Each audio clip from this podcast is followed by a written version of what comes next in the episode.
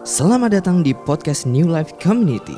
Kami berharap pesan ini dapat menginspirasi dan membawa pertobatan. Kami berdoa Anda dapat merasakan Tuhan bekerja secara nyata dalam hidup Anda. Selamat mendengarkan.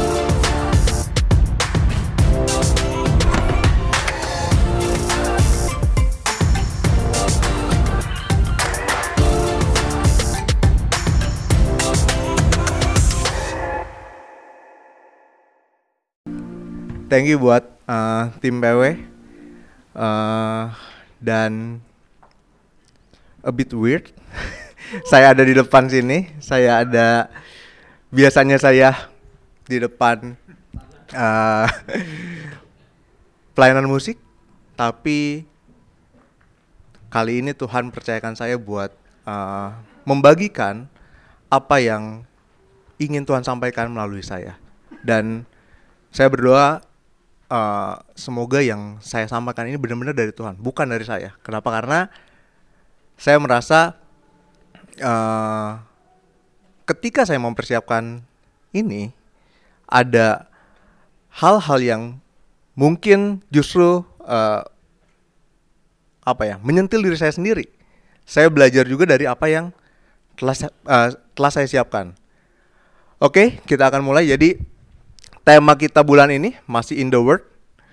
Last week uh, Daniel Yahya udah bahas mengenai in the word ini dan uh, kalau kita translate mungkin mungkin ya uh, in the word ini kayak di dunia ini. Tapi sebenarnya apa yang ingin Tuhan uh, apa yang ingin Tuhan kita lakukan di dunia ini?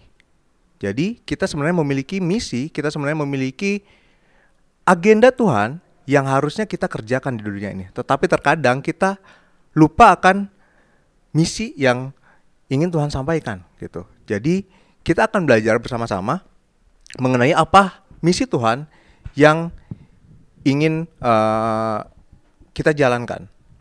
Jadi gue mulai dari data ini, jadi agak kecil ya. Jadi kalau misalkan kita lihat di data ini, uh, ini data yang gue ambil dari internet dan ini adalah uh, apa ya jam yang di apa ya yang dihabiskan orang selama dalam satu hari kalau kita lihat ranking pertama itu uh, istirahat atau tidur jadi setiap dari kita pasti memerlukan istirahat at least 7 sampai 9 jam mungkin atau 8 jam gitu.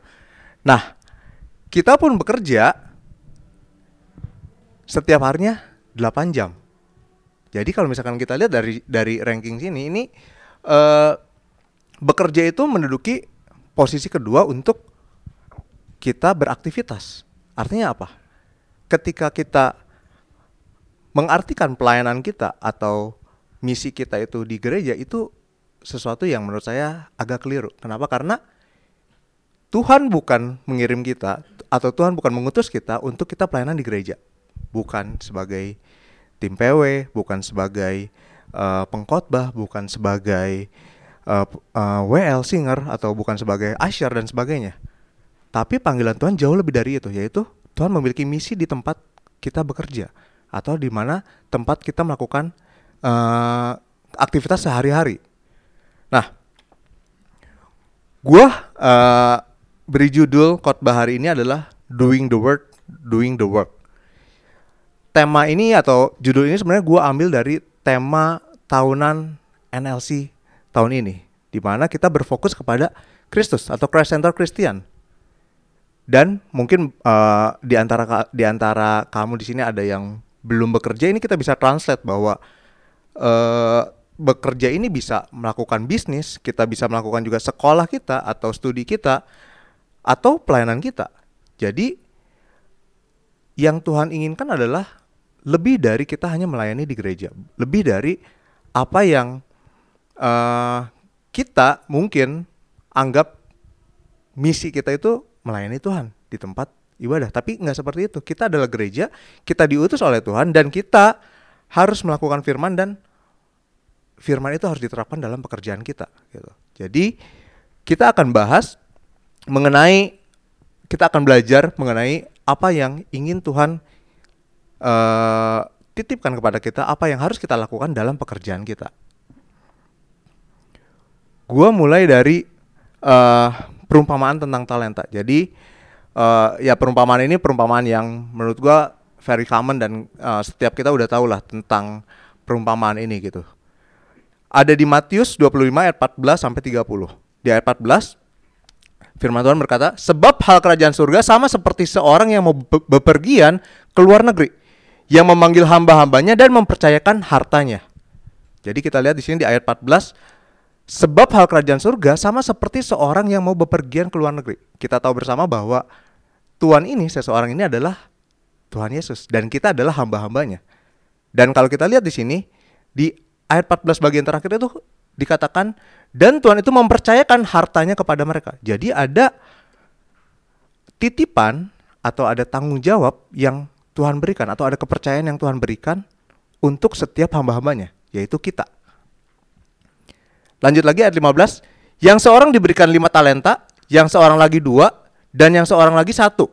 Masing-masing menurut kesanggupannya, lalu ia berangkat. Jadi kita tahu di sini bahwa eh, hamba-hamba ini dititipkan talenta dan uh, kalau kita mungkin rekap lebih cepat lagi ya, lima talenta itu orang yang lim, uh, mengumpulkan lima talenta itu kembali dia uh, melipatkan melipat gandakan talenta tersebut menjadi 10 talenta, yang memiliki dua talenta pun mengerjakannya sampai empat talenta, tetapi yang satu talenta dia hanya mengubur di dalam tanah.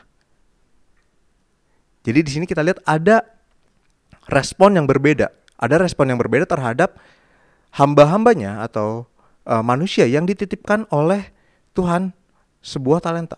Nah, kalau kita berbicara talenta, talenta mungkin terkadang kita uh, identiknya di benak kita itu talenta itu adalah uh, suatu kemampuan yang Tuhan berikan kepada kita gitu kayak saya diberikan talenta untuk bermusik ada orang-orang yang diberikan talenta untuk bernyanyi ada orang-orang yang diberikan talenta untuk uh, hal lainnya gitu nah tetapi kalau kita gali lebih dalam talenta itu bukan hanya skill atau bukan hanya kemampuan yang Tuhan titipkan kepada kita lebih dari itu adalah talenta adalah sesuatu yang Tuhan percayakan kepada kita dan kita harus bertanggung jawab terhadap hal tersebut.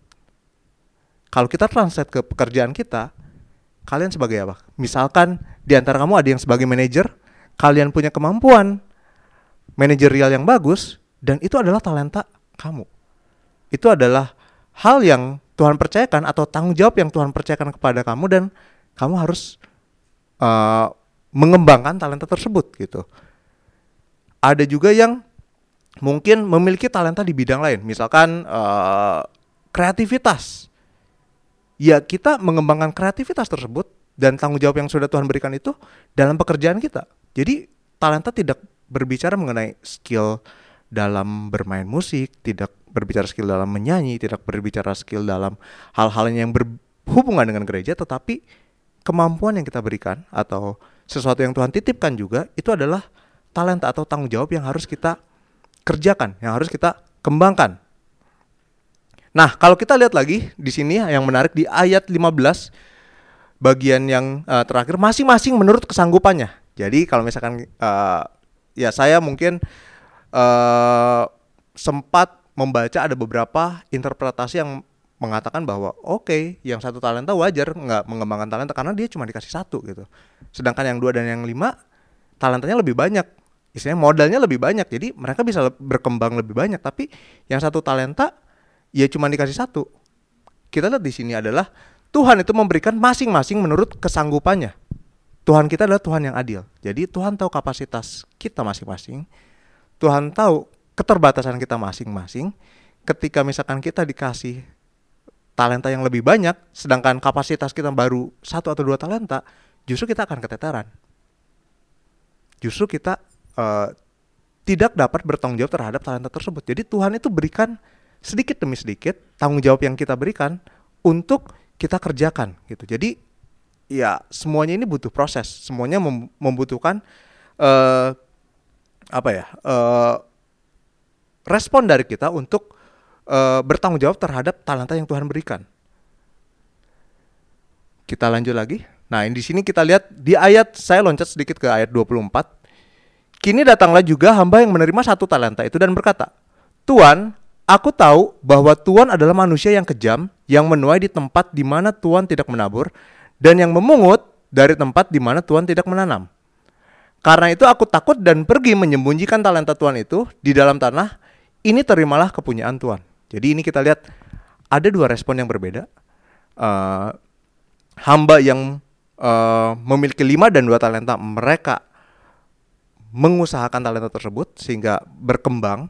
Tetapi kita lihat di sini respon yang memiliki satu talenta ini dia hanya menjaga, dia hanya menjaga, dia hanya menguburkan. Memang sih nggak modalnya nggak habis nggak jadi nol gitu tetap jadi satu tapi dia tidak mengembangkan hal tersebut di sini kita lihat ada respon dua respon yang berbeda. Ada perspektif yang berbeda ada mindset yang berbeda dari uh, dua hamba yang yang responnya berbeda ini. Jadi uh, kalau kita lihat di sini ada dua mindset. Pertama mindset yang memiliki dua dan lima talenta itu saya sebut dengan growth mindset atau mindsetnya itu dia dapat berkembang. Sedangkan hamba yang memiliki satu talenta dia adalah fixed mindset. Artinya dia merasa bahwa oke okay, Tuhan sudah mempercayakan satu hal, gue cukup menjaga saja, tidak perlu mengembangkan. Itu berbeda dengan orang yang ketika diberikan talenta mereka mengembangkan.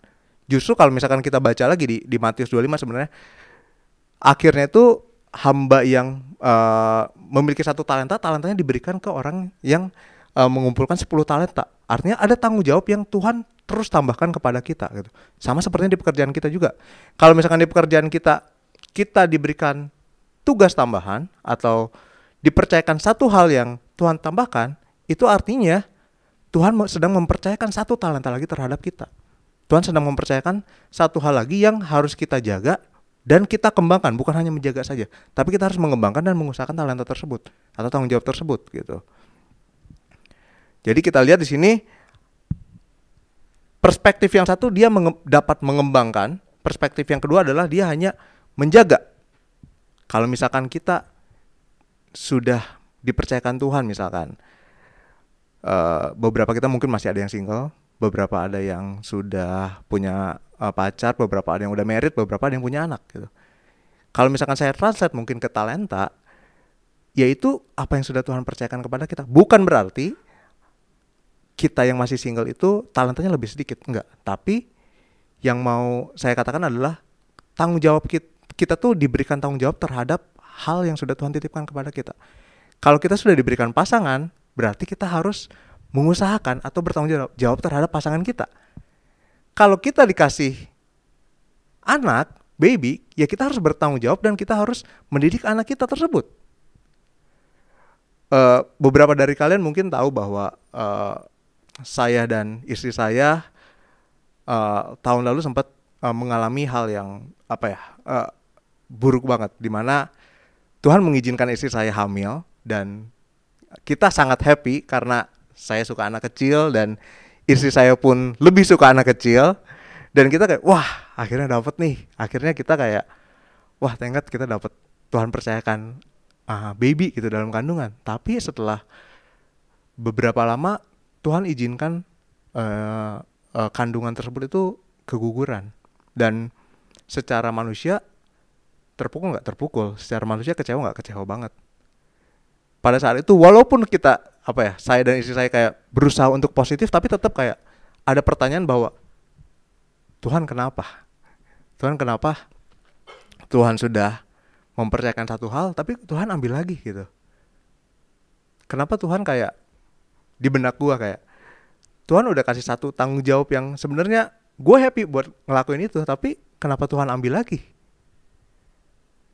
Tapi sekarang gue baru kayak uh, apa ya menyadari bahwa mungkin uh, uh, ya kapasitas saya dan istri saya belum sampai ke situ gitu. Tuhan belum mempercayakan hal tersebut itu ya bukan pada tahun lalu tahun kemarin gitu. Tapi masih ada tanggung jawab yang harus saya kerjakan dengan apa yang saya punya pada saat itu gitu. Jadi kayak kerjaan saya pun maksud saya uh, kerjaan saya kerja oke okay, cuman secara finansial belum begitu stabil belum begitu mandiri. Secara mungkin hubungan saya dengan istri saya pun saya perlu memperbaiki karena bagi yang udah merit mungkin awal-awal merit pasti apa ya diperlukan adjustment yang sangat-sangat besar dan pernikahan itu bukan sesuatu yang mudah saya katakan. Tapi kalau misalkan kita bisa uh, apa ya uh, mengusahakannya bersama-sama dengan pasangan kita itu itu sesuatu hal yang menurut saya itu uh, anugerah dari Tuhan dan dan dan ya kita bertanggung jawab terhadap hal itu hal itu gitu.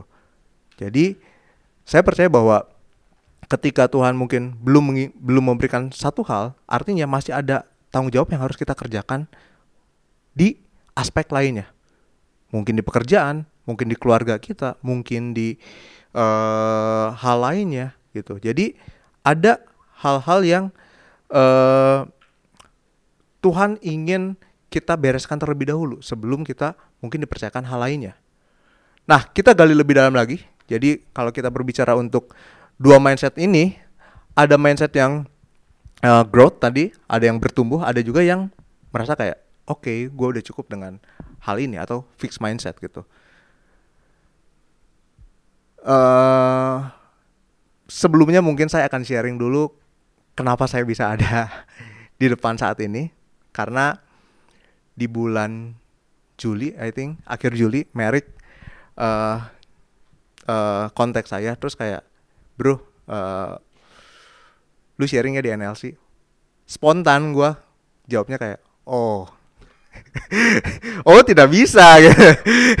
Kenapa? Karena gue udah melayani gue udah uh, gue merasa kayak oke okay, pelayanan gue udah cukup. Gue gue gue gue merasa gue memiliki talenta di bermusik gue happy dengan apa yang gue kerjakan dan gue akan tetap melayani dan tapi cukup. Gue gue gue gue kayaknya gak kepikiran buat buat bisa menjadi seorang pengkhotbah atau hal lainnya gitu. Tapi di situ kayak setelah gue secara spontan langsung menolak.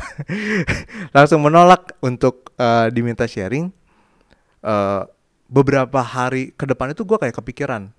Beberapa hari gue kayak ke depan ke, uh, kayak kepikiran terus gue kayak berpikir bahwa ketika Tuhan mempercayakan satu hal yang baru atau tanggung jawab yang baru itu artinya ada misi Tuhan buat hidup gua. Ada misi Tuhan mungkin ada sesuatu hal yang mungkin ingin Tuhan sampaikan melalui saya buat kita semua di tempat ini. Dan akhirnya uh, saya yang chat balik ke Mary kayak, eh bro, uh, kayaknya uh, gua mungkin menarik lagi tolakan gua gitu kayak kalau emang Tuhan mau pakai kita ya ya ya kita lakukan itu gitu itu ada tanggung jawab yang buat saya sangat berat saya bisa harus ngomong di depan ini karena apa karena ya hidup saya pun belum benar gitu hidup saya pun masih banyak yang masih banyak yang berantakan masih banyak yang perlu diberesin tapi gereja itu kan tempat buat orang-orang yang bukan yang perfect justru tempat buat orang-orang yang mau bertumbuh, mau semakin serupa dengan Kristus gitu. Nah, kita balik lagi ke sini. Jadi perbedaan pertama misalkan ketika uh, perspektif menge mengenai kesalahan yang dilakukan. Untuk yang fixed mindset biasanya mereka berpikir bahwa gua berusaha untuk tidak melakukan kesalahan. Itu sebenarnya sesuatu yang benar. Tetapi kalau misalkan terlalu takut melakukan kesalahan akhirnya kita tidak melakukan tidak uh, apa ya tidak melangkah tidak berani membuat decision gitu ini ketika gua mempersiapkan ini pun gua merasa kayak hmm kayaknya gua ada momen-momen gua memiliki mindset yang nggak bertumbuh. Karena gua kayak di fix mindset karena gua merasa kayak gua takut melakukan sesuatu hal karena resikonya terlalu besar. Jadi uh, mungkin beberapa dari kalian pun tahu kalau gue sekarang sudah mulai uh, mencoba untuk berbisnis walaupun saya nggak punya background di dunia bisnis ketika saya melakukan bisnis itu kayak super super takut. Super super kayak waduh kayaknya gue nggak bisa nih. Waduh kayaknya resikonya terlalu tinggi nih dan sebagainya gitu. Tapi pas gue mempersiapkan ini justru gue diingetin lagi lu harus berani melangkah. Kenapa? Karena ketika kita berbicara grow mindset mistakes itu membuat kita atau membantu kita untuk belajar melalui satu hal yang akan berguna ke depannya. Jadi perspektifnya berbeda. sama-sama melakukan kesalahan, sama-sama melakukan hal yang mungkin dosa atau dan sebagainya, tapi perspektifnya kalau yang satu kayak, oke, okay, gue lebih baik menghindari, gue tidak akan melakukan itu. Tapi yang satu lagi, dia tetap berusaha mengusahakan sesuatu ter, sesuatu yang terbaik dan kalau misalkan fail, kalau misalkan emang Tuhan uh, belum izinkan itu sukses, artinya kita perlu bisa belajar dari hal tersebut gitu. Itu growth mindset. Kemudian yang kedua, nah ini yang mungkin gue pun pas uh, menolak untuk sharing di NLC gue kayak, waduh kayaknya gue nggak bisa deh buat ngomong di depan eh, orang-orang uh, gitu. Public speaking gue jelek dan gue banyak alasan kayak kayaknya pelayanan gue cukup di musik aja atau cukup di oke okay, di aspek lain oke okay, tapi kayaknya kalau di uh, sebagai pengkhotbah aduh kayaknya enggak deh gitu jadi ada pemikiran yang kayak kayaknya gue nggak bisa kayaknya gue nggak akan bisa mencapai titik itu. Tapi kalau misalkan yang memiliki grow mindset dia pasti akan mengusahakan yang terbaik. Kalau misalkan berbicara skill yang uh, apa ya uh, sesuatu yang bisa dilatih praktis ya pasti melakukan praktis itu gitu. Kemudian uh, yang berikutnya yang membedakan antara fixed mindset dan grow mindset itu adalah ketika uh, menanggapi suatu feedback atau kritikan gitu. Di mana orang yang memiliki mindsetnya untuk berkembang dia pasti akan welcome terhadap kritikan yang membangun. Kenapa? Karena itu buat mengimprove diri kita sendiri gitu. Bukan buat mengimprove sesuatu yang berguna ke depannya. Tapi untuk yang fixed mindset justru kayak ah, gue udah tahu, gue tahu diri gue sendiri, gue gua udah tahu ini gue melakukan yang terbaik. Jadi lu nggak usah terlalu banyak komenin gue deh atau apa gitu. Nah itu salah satu ciri bahwa uh, mindset kita ini uh, tidak mau ber berkembang. Ada juga mengenai misalkan mengenai result, mengenai result tuh orang yang fixed mindset biasanya lebih merasa cepat puas. Sedangkan orang yang grow mindset, mereka berpikir bahwa gue bisa melakukan improvement apa lagi untuk mencapai satu hal tersebut gitu. Jadi uh, dari dari apa masalahnya sama, problemnya sama, tapi responnya atau perspektifnya itu yang berbeda. Nah, yang fixed mindset yang terakhir itu lebih mudah menyerah sedangkan yang growth mindset pasti akan mencoba satu hal mencoba uh, gagal mencoba dua kali mencoba tiga kali gitu sampai misalkan kalau memang uh, apa ya kalau memang ada sesuatu yang apa ngerasa itu bukan talenta kita atau bukan bidang kita itu dicoba beberapa kali bukan kayak dicoba sekali terus gagal oh kayaknya bukan ini bukan bukan sesuatu yang uh, eh, gue bisa gitu. Jadi uh, apa ya ada effort yang dilakukan lebih baik dari growth mindset ini. Dan dia berfokus kepada prosesnya bukan per, uh, berfokus pada hasil. Sedangkan yang fixed mindset dia effortnya lebih sedikit. Dia kayak merasa ah uh, gue udah mencoba sekali dua kali dan gagal terus oke okay, uh, gue akan langsung move ke uh, hal lainnya yang akan dicoba gitu jadi itu yang membedakan uh, antara growth mindset dan fixed mindset nah dari kedua mindset ini, ini akan mempengaruhi mempengaruhi uh, etos kerja kita. Jadi kalau kita berbicara lagi balik ke tema lagi, ada etos kerja yang uh, setiap dari kita pasti terpanggil uh, bekerja di entah itu perusahaan, entah itu kita yang berbisnis, entah itu kita yang masih sekolah, itu ada etika yang seharusnya kita uh, kerjakan gitu. Jadi di sini saya kasih beberapa uh, ciri-ciri untuk etos kerja yang tidak sehat. Yang pertama, membatasi diri dari pekerjaan atau tidak terlalu involve. Contohnya gue kayak, gue membatasi diri gue dari pelayanan gue. Gue kayaknya ada di comfort zone kalau gue ya udah gue cukup main musik. Gak kayak gitu. Ketika kalian mungkin di dunia kerja kita dikasih tugas atau dikasih hal baru yang buat kita kayak, aduh apa sih PR banget gue harus ngerjain ini gitu justru uh, menurut saya kita tuh tidak perlu membatasi. Kenapa? Karena itu adalah sesuatu yang Tuhan percayakan satu hal dan dan hasilnya mungkin nggak kelihatan. Hasilnya mungkin uh, pada saat itu mungkin kayak aduh gue jadi tambah kerjaan nih gue jadi ribet dan sebagainya. Tapi justru itu membuat kita berkembang gitu. Nah saat ini gue uh, kalau kalian tahu kan gue uh, saat ini masih ngajar sebagai dosen dan gue mencoba untuk berbisnis. Gue sudah mulai membatasi diri gue di uh, kampus gitu.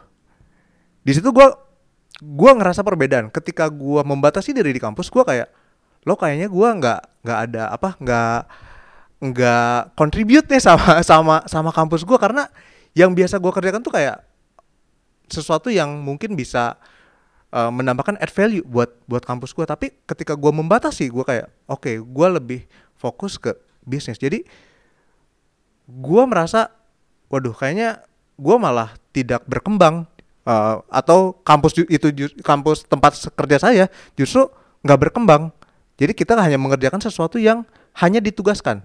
Tidak ada inisiatif lebih, tidak ada uh, effort lebih dalam mengerjakan segala suatu tugas gitu.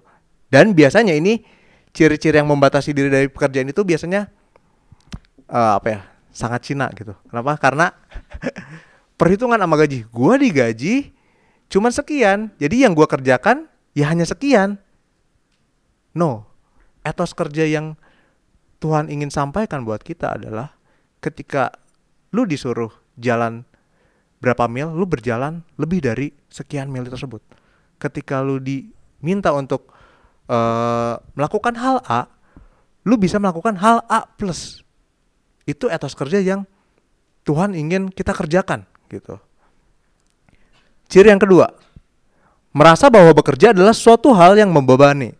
Nah ini biasanya pun kayak hmm, apa ya tadi masih relate sama yang pertama ketika dikasih tugas tambahan ketika dikasih satu hal yang uh, mungkin menyita waktu kita kita merasa kayak waduh tambah berat lagi nih kerjaan tambah berat lagi nih uh, apa ya tambah berat lagi uh, kehidupan kita gitu. Misalkan kita diberikan contohnya Colin dan Jun. Colin dan Jun kayak nggak berencana untuk memiliki anak dalam waktu dekat ketika Tuhan mempercayakan Shay hadir, itu ada tanggung jawab yang lebih, tanggung jawab yang lebih yang harus di, dikerjakan. Beban nggak? Beban sebenarnya. Tapi ketika mindsetnya dirubah tadi ya, fix mindset dan grow mindset. Ketika kita uh, memiliki mindset yang kayak, oke okay, Tuhan percayakan A, kita harus mengerjakan hal-hal A tersebut. Bukan kayak gue tidak mau mengerjakan hal A tersebut yang sudah Tuhan titipkan kepada kita itu berbeda. Atau kalau misalkan kalian dipercayakan untuk naik jabatan, semua orang biasanya kalau kalau yang uh, mindsetnya itu memiliki grow mindset pasti mereka akan oke okay, ini kesempatan gue buat berkembang. Tapi ada juga beberapa uh, orang yang berpikiran bahwa waduh kayaknya tanggung jawabnya semakin berat, kayaknya nggak worth it deh gue ngambil jabatan tersebut. Kayaknya nggak nggak kayaknya uh, gue nggak cukup uh, apa kapasitas gue nggak cukup untuk melakukan hal tersebut. Itu adalah ses, uh, salah satu ciri etos kerja yang menurut gue uh, perlu kita uh, benahi gitu. Kenapa? Karena ketika Tuhan mempercayakan satu hal Tuhan pasti memiliki maksud dan tujuan tertentu buat kita. Jadi kita harus uh, mengerjakan sesuatu itu sesuai dengan apa yang Tuhan percayakan kepada kita. Yang ketiga kerja dipandang sebagai suatu penghambat dalam memperoleh kesenangan ini biasanya kayak uh, misalkan kita kerja kayak Senin sampai Jumat biasa terus Sabtu Minggu misalkan kayak oke okay, ada kerjaan tambahan terus kayak wah ini kan waktu weekend gua ini kan waktu gua buat ke gereja gitu. Nggak salah sih nggak salah. Tapi kalau emang ada tanggung jawab yang Tuhan titipkan buat kita dan kita uh, Tuhan ingin kita mengerjakan itu kita harus keluar dari comfort zone kita. Kita nggak bisa kayak gue deng gue udah cukup dengan kondisi saat ini dan gue merasa kayak uh, uh, gak perlu hal yang lebih gitu karena mengganggu comfort zone. Nah itu yang berbahaya. Dan itu biasanya seseorang tersebut tuh hanya terlalu berfokus kepada pekerjaan. Kenapa? Karena misi Tuhan itu lebih dari kita hanya bekerja kita lebih per, uh, perform untuk perusahaan kita. Tapi misi Tuhan itu adalah bagaimana kita menjadi berkat buat orang-orang di sekitar lingkungan kerja kita yang keempat, ini kerja hanya sebagai rutinitas hidup. Nah ini yang mungkin uh, sering kali kita terjebak dan saya pun sering kali terjebak kayak oke okay, kerja ya udah gua kerja datang ke kantor melakukan hal A B C beres pulang setiap hari kayak gitu. Tapi uh, kita ini memiliki misi yang jauh lebih besar dari hanya sekedar bekerja setiap harinya. Ada misi dan agenda Tuhan yang ingin Tuhan kerjakan untuk setiap kita gitu. Nanti kita akan bahas lebih dalam lagi. Nah, kalau kita lihat di sini work ethic untuk ciri-ciri atas kerja yang tidak sehat ini biasanya dia terlalu berfokus kepada diri sendiri, tidak berfokus kepada apa yang ingin Tuhan kerjakan atau apa yang uh, mengganggu comfort zone kita semua. Di Kolose 3 ayat 23 dan 24, apa pun juga yang kamu perbuat, perbuatlah dengan segenap hatimu seperti untuk Tuhan dan bukan untuk manusia. Nah, ini ketika kita uh, apa ya? Uh, memiliki etos kerja yang baik, ciri-cirinya adalah ketika kita melakukan hal tersebut itu seperti untuk Tuhan, bukan untuk manusia, bukan untuk uh, bos kita, bukan untuk atasan kita, bukan untuk tim kita, bukan untuk uh, perusahaan kita, tapi kita punya fokusnya itu seperti untuk Tuhan.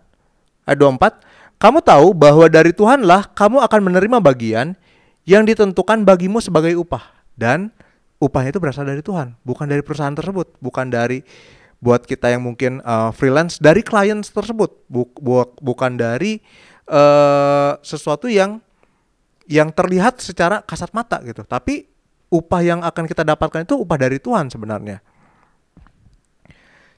Kalau kita lihat uh, contohnya uh, di Alkitab ini kita tahu Nabi Yunus. Nabi Yunus itu kan seorang nabi yang diutus Tuhan untuk pergi ke Niniwe tapi dia berangkatnya malah ke Tarsis. Gue bukan uh, judge, bukan menghakimi tapi kita lihat apa yang dia kerjakan itu sesuai dengan keinginan hati dia, bukan berfokus kepada Tuhan.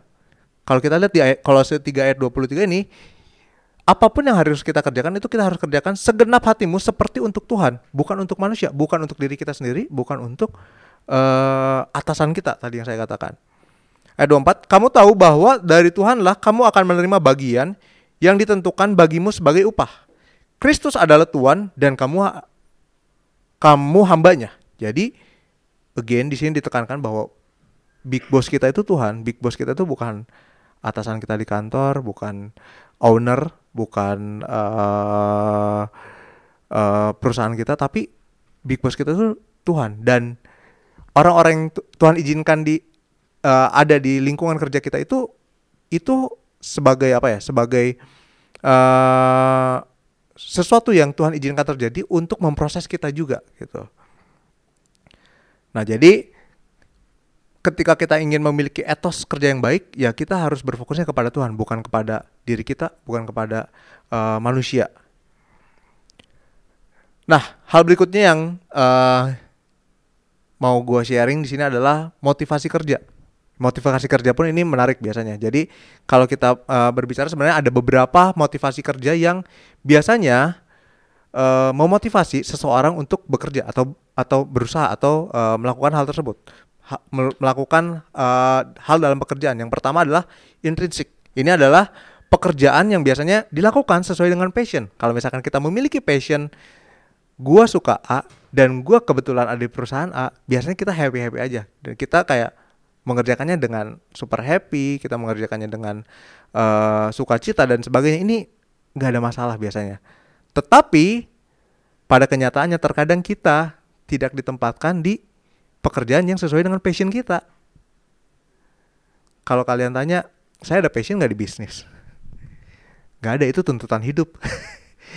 Itu tuntutan hidup kayak bukan tuntutan hidup sebenarnya gue kayak merasa gue harus gue sudah dipercayakan seorang istri gue harus bertanggung jawab terhadap istri gue dan gue harus uh, menghidupi istri gue dan kalau gue bekerja sebagai dosen sepertinya tidak cukup gitu. Makanya saya berinisiatif untuk berbisnis juga.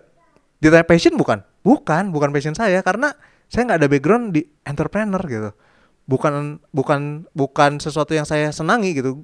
Saya tuh orang yang paling apa ya paling gak suka atau paling anti mungkin berdebat dengan orang atau uh, terjadi gesekan-gesekan dengan orang. Tapi kan di dunia bisnis biasanya lebih hmm, lebih lebih sensitif dengan hal tersebut. Nah tetapi kalau kita berfokus kepada Tuhan ketika kita uh, memiliki motivasi yang berfokus kepada Tuhan, kita harus tetap bertanggung jawab meskipun pekerjaan yang kita kerjakan itu tidak sesuai dengan passion kita. Daniel Yahya minggu lalu bahas mengenai Yusuf. Kalau kita lihat Yusuf itu uh, secara singkat aja dia bekerja di tiga tempat kerja yang berbeda loh. Pertama ketika dia dijual ke Mesir, dia menjadi uh, seorang yang dipercaya oleh Potifar.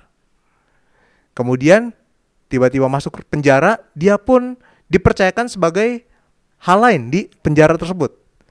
Setelah diangkat dari penjara, dia menjadi uh, orang tangan kanannya Firaun. Kita lihat di sini ada pekerjaan yang berbeda yang dilakukan oleh Yusuf, tapi yang kita lihat karakter Yusuf itu sangat bagus, di mana dia bertanggung jawab terhadap apa yang Tuhan percayakan terhadap diri dia. Jadi kalau misalkan kita apa ya, mungkin saat ini uh, kita ditempatkan di uh, pekerjaan yang kayak, aduh kayaknya uh, gue nggak suka nih ngelakuin hal ini, tapi Tuhan taruh kita di tempat itu berarti ada maksud dan tujuan Tuhan buat kita. Itu adalah proses dari Tuhan yang harus kita uh, lalui dan Tuhan ingin memiliki uh, sesuatu agar kita bisa berkembang lagi. Motivasi yang kedua, ini biasanya yang paling umum. Jadi uh, mengenai achievement, biasanya fokus pada prestasi agar mendapatkan recognition dari atasan atau perusahaan.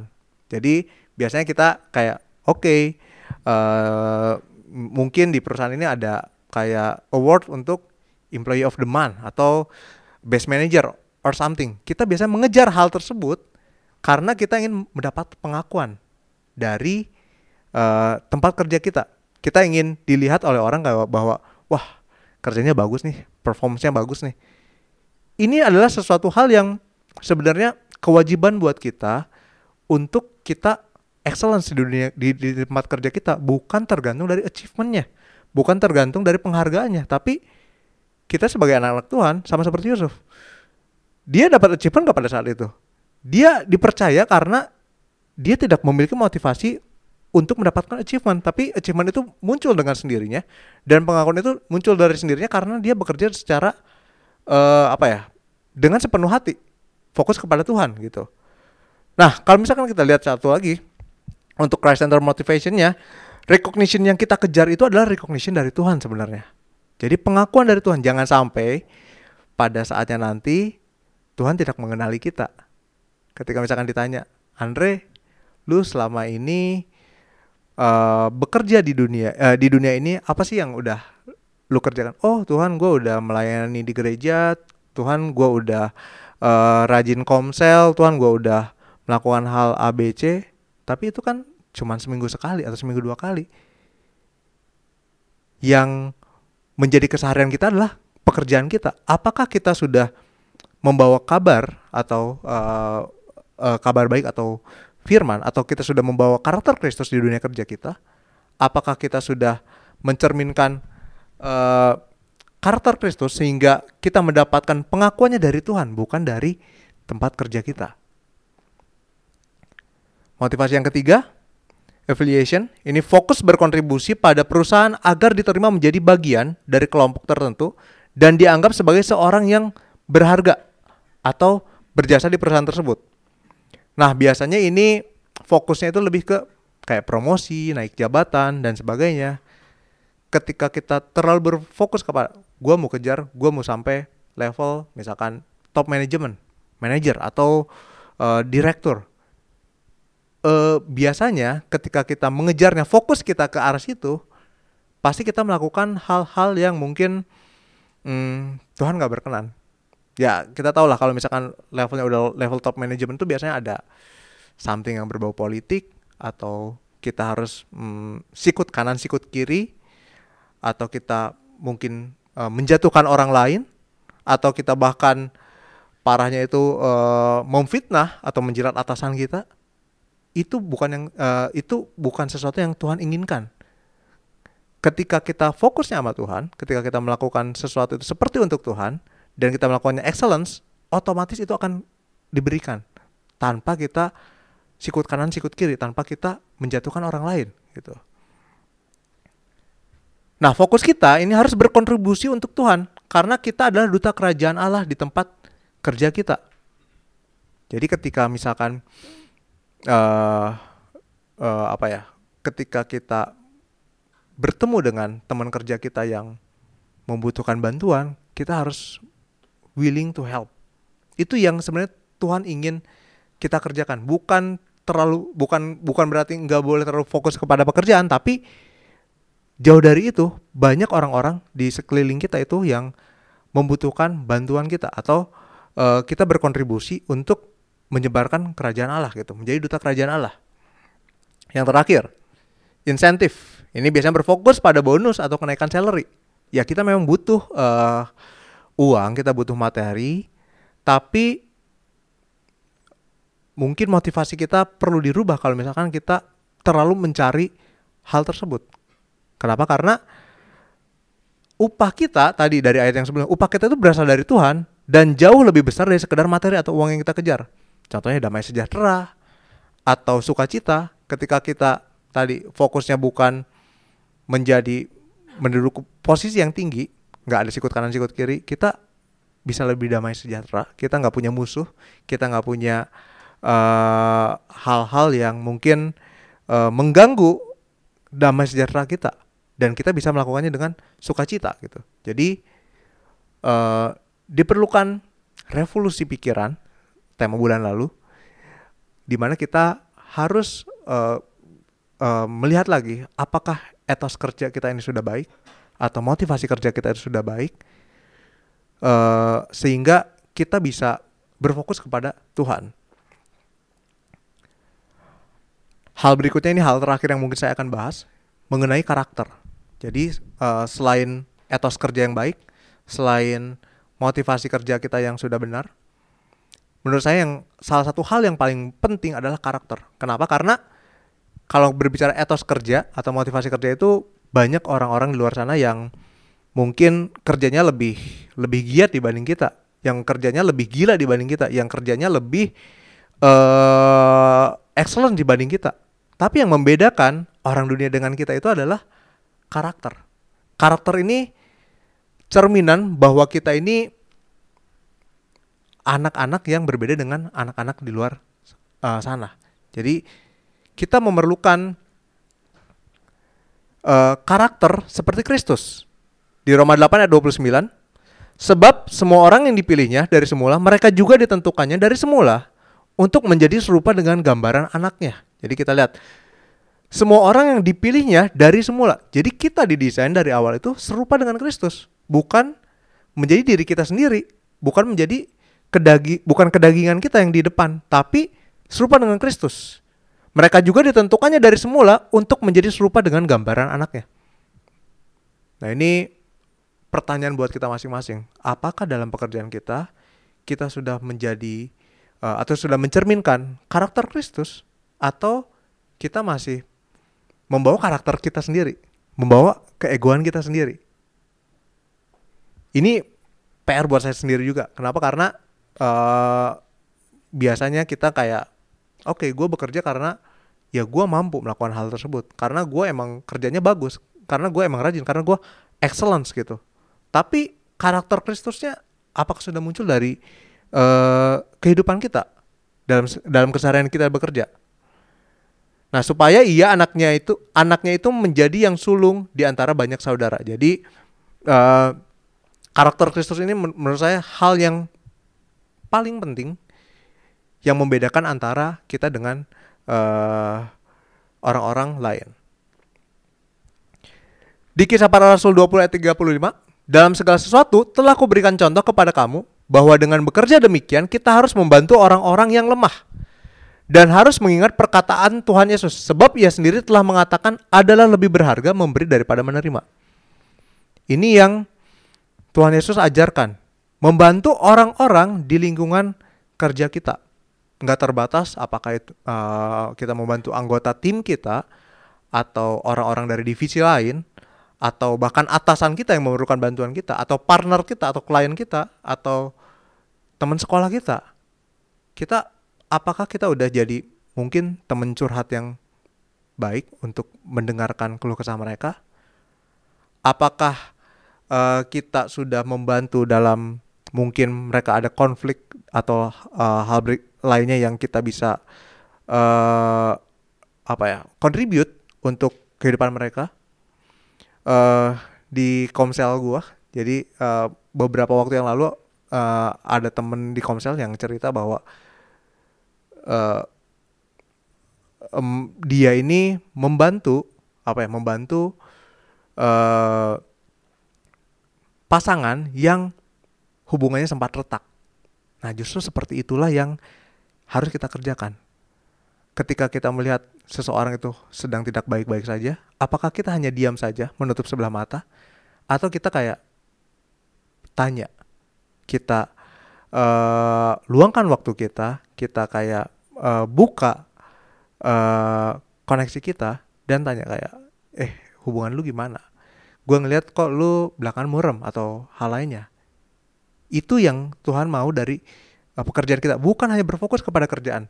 Itu sesuatu yang menurut saya itu kewajiban kita karena ya kita harus do excellence dalam pekerjaan kita. Tapi di luar dari itu adalah gimana kita uh, menjadi terang buat lingkungan teman-teman kita. Ketika misalkan ada teman kita yang berjualan sesuatu walaupun kita nggak suka tapi kita kayak oke okay, kita bantu mereka.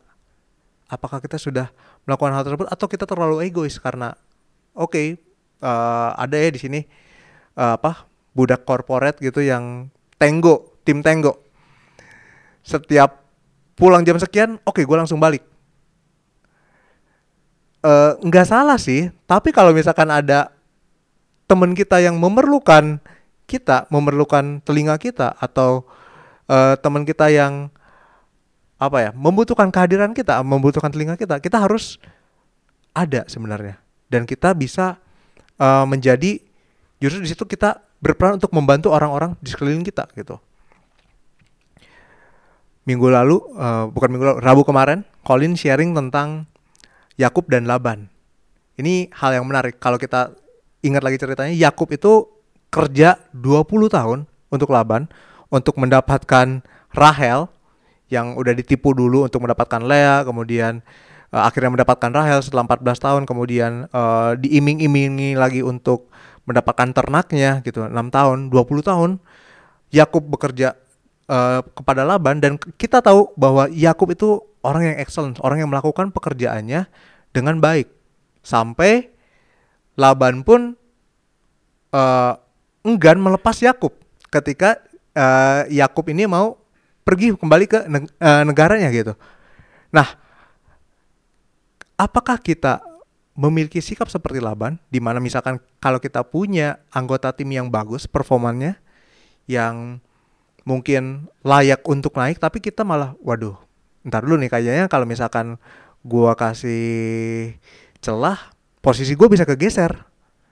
Atau kalau kita yang berbisnis kita melihat ada uh, uh, karyawan kita yang performanya bagus dan bisa berkembang di luar sana, apakah kita menghalang-halangi hal tersebut?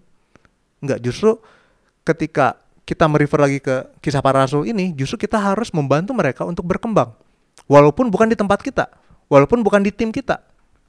Jadi jangan seperti Laban yang menghalang-halangi Yakub karena dia merasa bahwa Yakub itu sangat produktif, kerjanya sangat bagus. Jadi gue sebagai bos, gue sangat memerlukan uh, bawahan seperti itu gitu anggota seperti itu ya secara manusia emang kita kayak waduh gue punya tim member yang bagus dan produktif banget.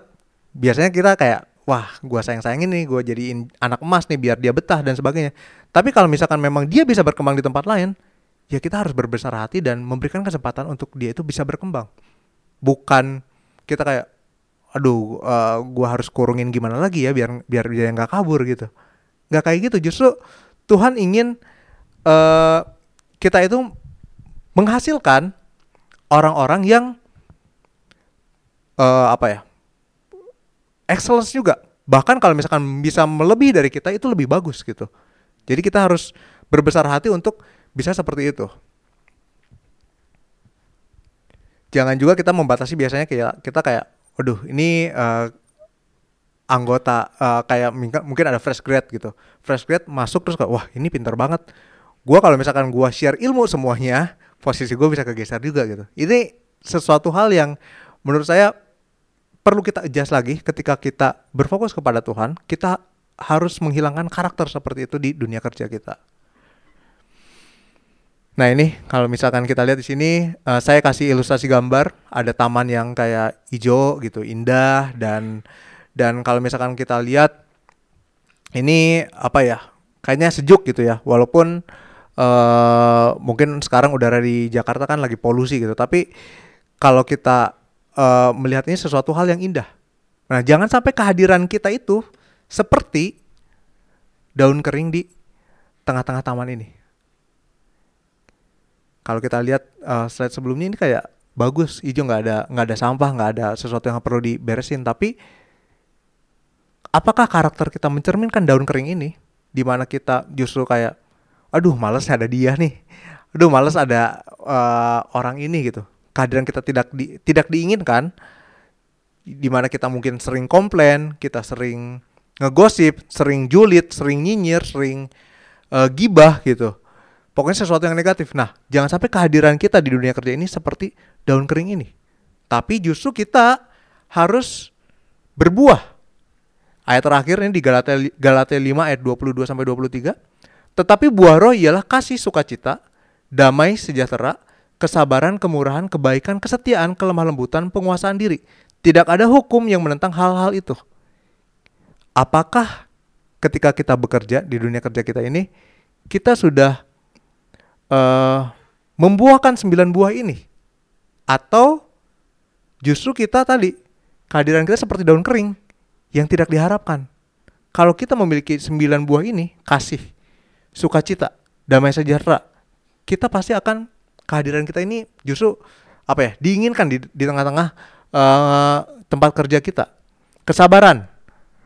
Apakah kita sudah cukup sadar, eh, cukup sabar untuk uh, menghadapi mungkin anggota tim atau atasan kita yang keinginannya berubah-berubah atau anggota tim kita yang mungkin dalam tanda kutip ya gedek gitu jadi gue kayak gue biasanya di di kampus itu spesialis menangani manusia man, eh man, bukan manusia. Mahasiswa mahasiswa yang uh, apa ya uh, dalam tanda kutip mungkin boleh bilang gedek gitu. Mahasiswa-mahasiswa yang uh, biasanya telat lulus gitu.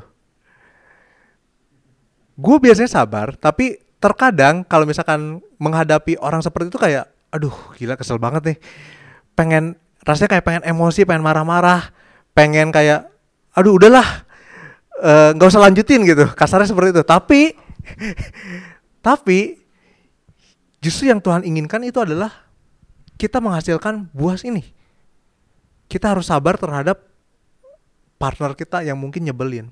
Kita harus uh, sabar terhadap uh, sesuatu hal yang mungkin buat kita itu jadi emosi gitu.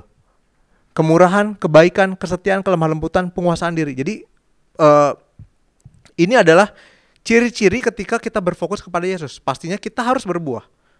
Dan ketika kita berbuah, kita dapat menerapkan dan menunjukkan nilai-nilai kerajaan Allah di sekitar kita sehari-hari. Intinya ketika kita memiliki karakter dan berbuah seperti sembilan buah ini, itu artinya kita sudah di dalam uh, apa? Di dalam misi yang tepat, di mana Tuhan Tuhan menempatkan kita dengan uh, sesuatu yang baik. Nah, tadi ya uh, perbandingannya ketika kita menjadi daun kering yang kehadirannya tidak diinginkan dengan buah seperti ini, tentunya yang lebih diinginkan buah kan. Tapi yang menjadi problem kita, gimana kita bisa berbuah seperti ini? Gimana kita bisa menghasilkan 9 buah tadi, 9 buah roh tadi? Istri saya beberapa waktu yang lalu punya hobi baru. Hobinya bertanam. Jadi uh, uh, kita ada tanaman hidroponik di rumah dan istri saya waktu awal-awal uh, bertanam itu dia rajin banget kayak oh dia beli nutrisinya dia beli pokoknya semua perlengkapan sampai setiap hari dia kasih, kasih nutrisi buat tanah buat buat uh, tanaman hidroponik itu gitu. Dan memang berkembang berkembang lebat. Terus ada satu masa pas uh, saya dan istri saya pergi uh, dengan waktu yang cukup lama kita nggak kasih nutrisi. Pas balik-balik lah layu semua. Bahkan ada daun-daun kering sama seperti yang tadi. Jadi ketika ketika tidak diberikan nutrisi ya gimana kita berbuah untuk meng, untuk men, kita menghasilkan 9 buah tadi berarti kita memerlukan nutrisi kalau misalkan tanaman biasa ya perlu disirami juga dengan air gitu. Kalau kita tidak memiliki nutrisi ya bagaimana kita bisa berbuah? Jadi before we do the word, we must read the word. Gimana kita bisa menjadi duta kerajaan Allah kalau misalkan kita sendiri nggak baca firman? Gimana kita bisa menjadi duta uh, duta kerajaan Allah atau menjadi terang di tempat kita berada tapi kalau kita sendiri nggak mengejar Tuhan jadi nutrisi yang kita perlukan atau air yang kita perlukan ya kita harus kejar juga. Logikanya tadi saya bilang, logikanya ketika misalkan kita tidak uh, uh, memberikan, tidak memupuk kita dengan nutrisi yang baik atau air yang baik, ya kita tidak bisa berbuah, kita tidak bisa bertumbuh, kita bah bahkan lama kelamaan menjadi daun kering. Lama kelamaan se sama seperti karyawan-karyawan pada umumnya atau pebisnis-pebisnis pada umumnya. Tapi kalau kita fokusnya sama Tuhan, ketika kita mengejar Tuhan dan mengenal Tuhan lebih lagi, otomatis kita bi bisa melakukan firman tersebut. Jadi kita harus memiliki habit untuk mengonsumsi firman setiap hari. Nah ini uh, slide yang sudah disiapkan oleh Merrick dan tim production. Gue uh, sangat mengapresiasi ini. Kenapa? Karena mungkin style kita dalam uh, membaca firman itu berbeda-beda. Ada yang uh, lebih cocok untuk audio ada yang lebih cocok untuk visual ada yang cocok bisa membaca langsung. Apa pun yang uh, menjadi uh, preference kalian intinya kita harus mencari Tuhan sebenarnya. Kenapa? Karena kalau misalkan kita tidak memupuk kita diri sendiri kita tidak memberikan nutrisi diri kita sendiri gimana kita berbuah, gimana kita menjadi terang di tengah-tengah uh, dunia ini gitu. Kalau misalkan kita cuman diisi bensinnya seminggu sekali pas NLC itu pun uh, kadang uh, apa bolos-bolos gitu. Ya otomatis mobil kita nggak akan maju gitu. Bensinnya udah keburu habis. Baru hari Senin. Ya udah habis. Tapi kalau misalkan kita isinya setiap Senin Selasa Rabu Kamis setiap hari kita bisa melakukannya pun setiap hari juga gitu. Nah kalau misalkan bagi kita semua yang udah memiliki habit uh, untuk devotion atau saat teduh, it's good. Lakukan sesuai dengan apa yang uh, suitable dengan kalian. Tapi kalau misalkan ada yang belum, di sini uh, Merrick dan tim production di sini udah bantu untuk memberikan beberapa channel di sini. Ada yang uh, misalkan ada yang efektif belajarnya secara audio, kalian bisa gunakan yang bagian kiri. Tapi kalau misalkan ada yang visual, kalian juga bisa ambil yang bagian kanan.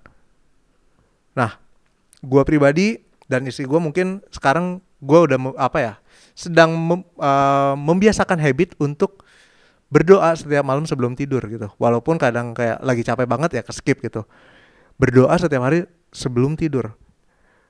Nah, uh, buat gue mungkin it works itu kayak membuat hubungan uh, saya dan istri saya dengan Tuhan itu lebih dekat, lebih kayak diingetin lagi akan hal-hal yang mungkin perlu kita kerjakan.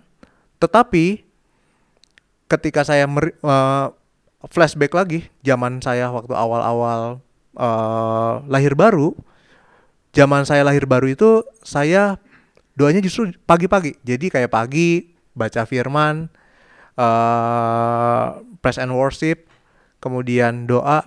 Nah itu buat saya pribadi itu membantu saya untuk memulai hari saya dan uh, apa ya mengerjakan hari saya itu bersama dengan Tuhan. Jadi gak tau kenapa gue merasa gue lebih melibatkan Tuhan ketika gue baca firman di pagi hari gitu.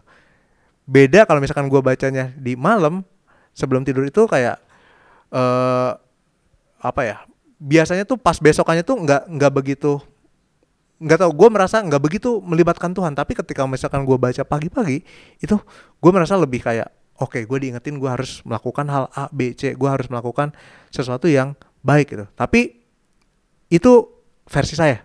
Versi kalian semua ter terserah kalian mau gimana. Yang penting uh, gue encourage buat kalian itu bisa mencari Tuhan bisa uh, devotion bisa uh, mendengarkan interpretasi-interpretasi dari orang lain atau dari pengkhotbah lain.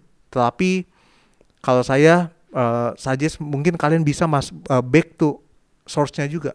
Maksudnya kita baca benar-benar dari uh, Bible-nya karena interpretasi orang bu saya bukan berbicara interpretasi itu or orang itu salah, tapi ada beberapa yang mungkin uh, tidak sesuai dengan uh, situasi kita gitu. Nah, again, ini uh, apa ya? it works dan ini mungkin akan membantu kita untuk berbuah dan kita uh, bisa menjadi terang dan garam di dunia kerja kita.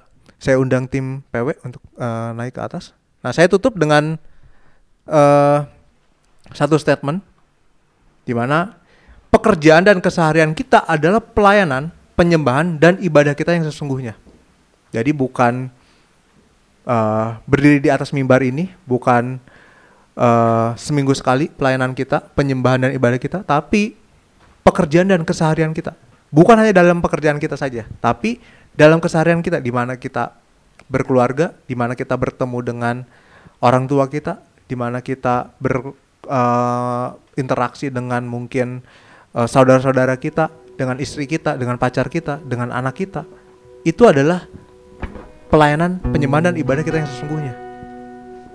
Jadi Gua harap kita semua bisa uh, menjadi duta kerajaan Allah dan menjalankan misi Tuhan buat hidup kita sehingga orang-orang di luar sana bisa melihat kita ini berbeda dan menjadi anak terang, orang terang dan berbeda dengan orang-orang di dunia sana.